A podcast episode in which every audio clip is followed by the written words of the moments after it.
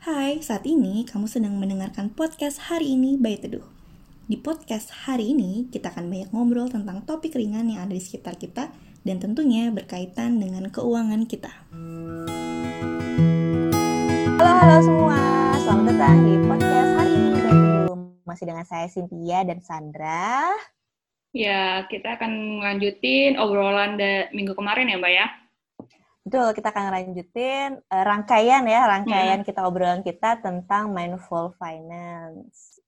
Oke, kalau Jadi mm-mm, kalau kita rekap sedikit ya Hmm, San ya hmm. kan kita di minggu pertama ngobrolin soal mindful finance secara Mm-mm. keseluruhan ya.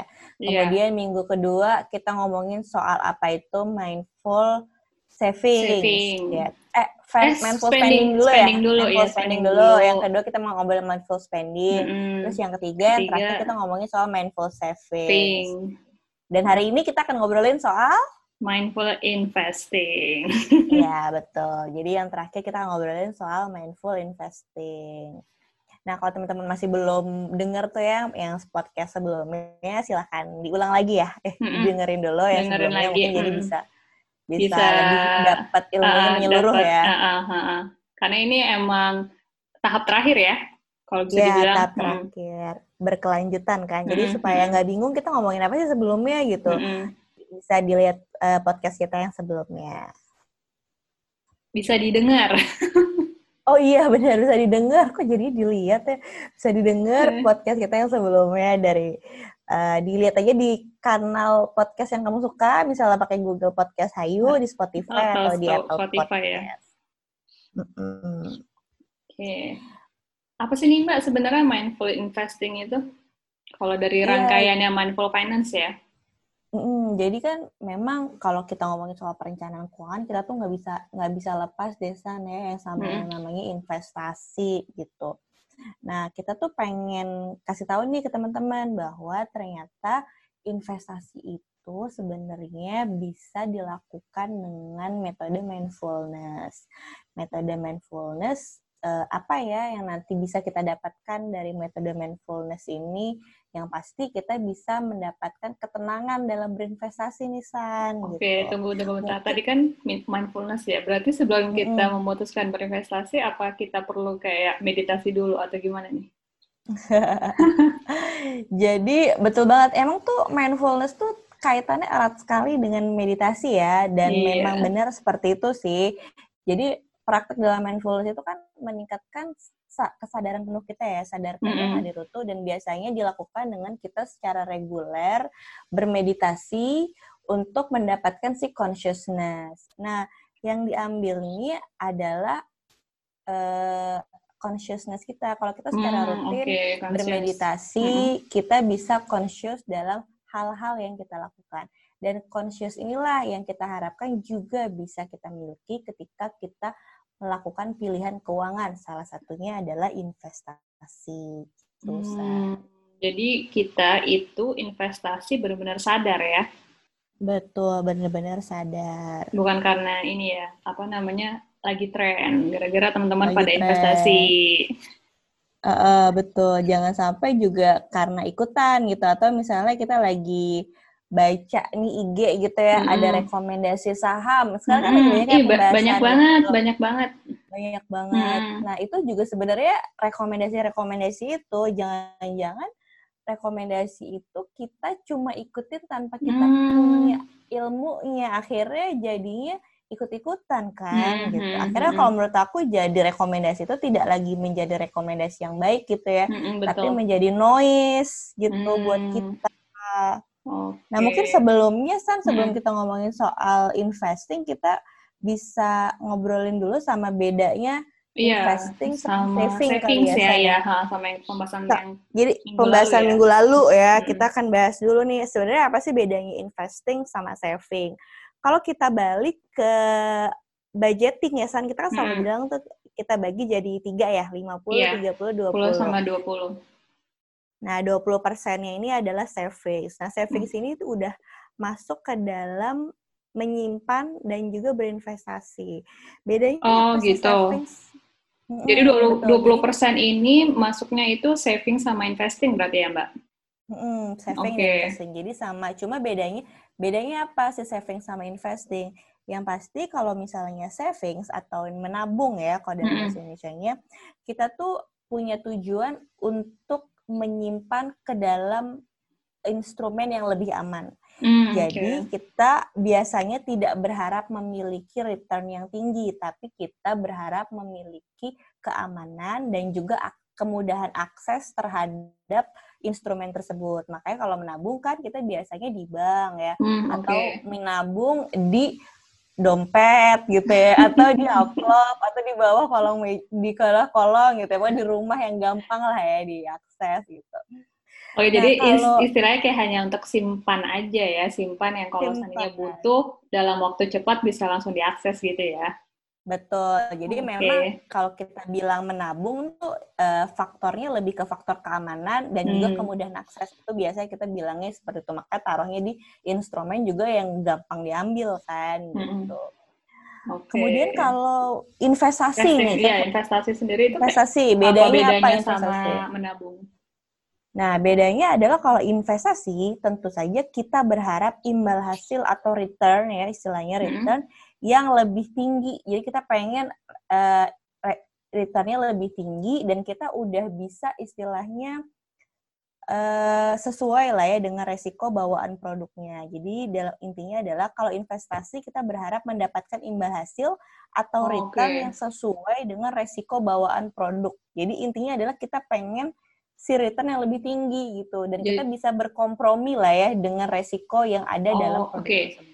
Jadi sebenarnya dari tujuannya aja udah beda banget ya. Satu untuk Mm. kalau nabung itu buat rasa aman, sedangkan kalau Mm. untuk investasi itu biar dapat imbal hasil ya. Istilahnya kayak Dapat dapat, hasil. keuntungan ya. Kayak gitu nggak sih Mbak maksudnya? Mm-mm. Hmm, oke. Betul, dapat keuntungan untuk mencapai tujuan keuangan.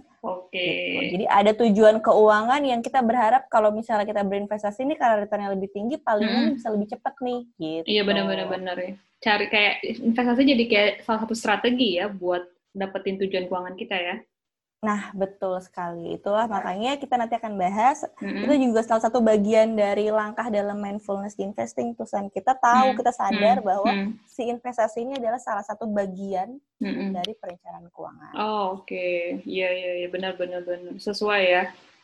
Sesuai. Coba nih ya, San, bayangin Hmm. aja nih, kalau Hmm. misalnya kita punya tujuan keuangan Mm-mm. pensiun, masih 20 tahun lagi nih, kita masih Hmm. muda, terus pensiun tuh masih anggaplah usianya kan masih di 65 tahun yang normal aja nih, nggak yang dipercepat gitu ya.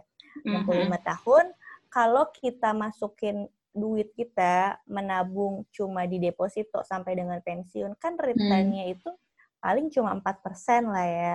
Padahal jangka waktu itu lama banget nih, 20 tahun. Berarti kalau kita mau mencapai si angka Mm-mm. pensiun yang kita inginkan, udah pasti jumlah nominal yang harus kita bayarkan tiap bulan jauh lebih besar ketimbang kalau kita masukin ke instrumen misalnya reksadana yang rata-rata returnnya 12%. Berarti 4% sama 12%, berarti kita udah pasti hampir tiga kali lipat ya untuk mencapai uh, Hmm, tabungan perbedaannya lumayan jauh ya tabungan ya. perbedaannya lumayan Hmm. banget gitu. Padahal ini masih jauh nih, masih 20 tahun nih. Jadi investasi itu bisa jadi eh, salah satu tra- strategi untuk mencapai tujuan keuangan dengan lebih cepat gitu. Oh, oke. Jadi memang secara apa namanya? eh rasio imbal hasilnya jauh berbeda ya, bisa tiga kali lipat ya, tergantung instrumen keuangan yang kita pilih juga sih ya. Betul, tergantung gitu. Kalau investasi itu tuh sebenarnya kayak apa aja sih mbak jenisnya? Kalau menabung kan ya kita taunya kayak ya udah kita nabung buka rekening di bank udah selesai. Tapi kan investasi tuh banyak banget nih sekarang di media sosial. Ayo berinvestasi dengan instrumen A, B, C. Nah sebenarnya itu kayak gimana sih mbak? Iya, jadi kalau menurut saya instrumen investasi itu banyak banget, San. Jadi Hmm. seperti yang Sandra bilang lah, tadi kayak contohnya ya, ada yang bentuknya obligasi, ada Hmm. yang bentuknya saham, ada Hmm. yang bentuknya bahkan barang-barang branded gitu ya. Mm-mm, Uh, nah, lukisan, uh-uh. lukisan itu iya. juga salah satu bentuk investasi, ya, karya investasi seni ya lah betul. ya, uh-uh. karya seni gitu. Atau properti ya mbak? Properti juga katanya orang ini investasi. Nah, Betul. Jadi memang jenis investasi itu macam-macam. Nah, Mm-mm. jenis investasi ini eh, memiliki resiko tersendiri. Jadi Hmm, jenisnya uh, mau bentuknya obligasi, mau bentuknya emas gitu ya, itu Hmm. punya resiko sendiri. Yang mesti kita pahami adalah semua produk itu udah pasti punya resiko. Tinggal resikonya adalah uh, lebih kecil atau lebih besar. Oh, nggak ada Karena ya, yang nggak no resiko gitu ya, no risk. Eh, jadi kalau misalnya no resiko, itu artinya adalah no return. Nah, itu gampangnya gitu. Oh gitu ya. Jadi intinya adalah kalau eh, rumusnya nih ya, rumusnya kalau misalnya resikonya kecil Hmm. itu bisa jadi udah pasti returnnya kecil. Terus kalau misalnya returnnya besar, resikonya juga biasanya besar gitu. Jadi Oh. kalau misalnya kamu nih ya biasanya nanti ditawarin ini juga salah satu ciri-ciri mm-mm, mm-mm. eh, kita harus waspada terhadap investasi ciri-ciri investasi bodongnya adalah Hmm. menawarkan biasanya menawarkan return yang sangat tinggi gitu tapi bilangnya nggak ada resiko nah itu udah pasti Oh gitu. mungkin. Oh, dia kan suka iming-iming, iya nih, apa namanya, imbal hasilnya gede banget resikonya. Mungkin nggak ada resiko ada. malahan ya. Itu kan bakalan jadi godaan banget tuh. Hmm, saya ada yang bilang nih nanti saya akan kasih kamu, kamu investasi di saya misalnya gitu ya Mhm. nanti dapat 20% fix Iya. Ya, fix pokoknya 20%. pasti dapat Ha-ha, gitu iya, betul. pasti dapat nah itu udah kata pasti dapat itu udah harus dicurigai tuh san Ah, oke. Karena memang rumusnya nggak gitu ya. nggak gitu udah pasti resikonya Udah lebih pasti kalau misalnya return ya. pasti resikonya lebih tinggi jadi kalau misalnya ada yang nawarin pokoknya nggak ada resiko nah tuh tunggu dulu tuh hati-hati gitu jadi jadi salah satu kayak istilahnya apa ya eh, warning ya Mhm. peringatan gitu ya kalau kamu Hmm. udah lihat ada penawaran-penawaran situ berarti itu adalah salah satu indikator eh, adanya kecu harus dicurigai lah Mhm, gitu ya Mesti waspada lagi ya. Nah, itu kan Hmm, investasi tadi, ya, kenapa Mbak? Iya, tadi kan berarti Hmm. investasi tadi udah aku sebutin yang tadi ya. Hmm, Nah, hmm. sebenarnya ada lagi tuh Hmm, kan hmm. investasi juga yang lebih penting yang bentuknya bukan produk. Oke, kayak gimana tuh Mbak maksudnya? Investasi yang bukan produk adalah investasi ke diri kamu sendiri. Gitu. Hmm, kayak Nah, contohnya. misalnya, ha-ha, hmm? Contohnya adalah kayak kamu belajar nih ya, sekolah, ngambil kursus, kemudian kamu ambil sertifikasi gitu. Hmm, hmm. Nah, itu Oh. adalah eh, untuk meningkatkan kemampuan kita kan, meningkatkan values dari kita, Mm-mm. diri kita. Dan kita Mm. berharap di ke depannya kita memiliki return. Returnnya tuh berupa apa? Returnnya adalah kita dihargai dengan lebih tinggi. Hmm. Gampangnya gaji naik Hmm, gitu. hmm, hmm, hmm, hmm, hmm. Atau mungkin mempermudah kita dapetin pekerjaan yang lebih sesuai kali ya. Jadi Iya, ada eh, jadi ada edit value yang kita punya berarti ya.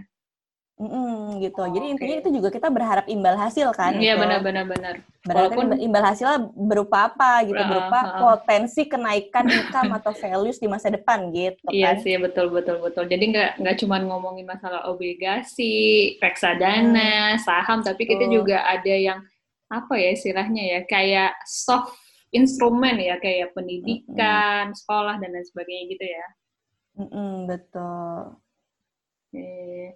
Nah, sebenarnya nih kaitannya kenapa investasi dikaitkan dengan mindfulness nih, Mbak? Tadi kan pertama eh, biar kita sadar, tapi sebenarnya apa sih Mbak yang lebih dari itu gitu? Lebih dari itu, jadi sebenarnya eh, mindfulness itu kan meningkatkan consciousness. Jadi Mm-mm. Eh, paling nggak ada tiga alasan atau tiga keuntungan lah ya yang Mm-mm. bisa kamu dapatkan apabila kamu menggunakan mindfulness Mm-mm. ketika berinvestasi. Paling nggak ada tiga. Yang pertama adalah satu, kita tuh nggak gampang panik, San.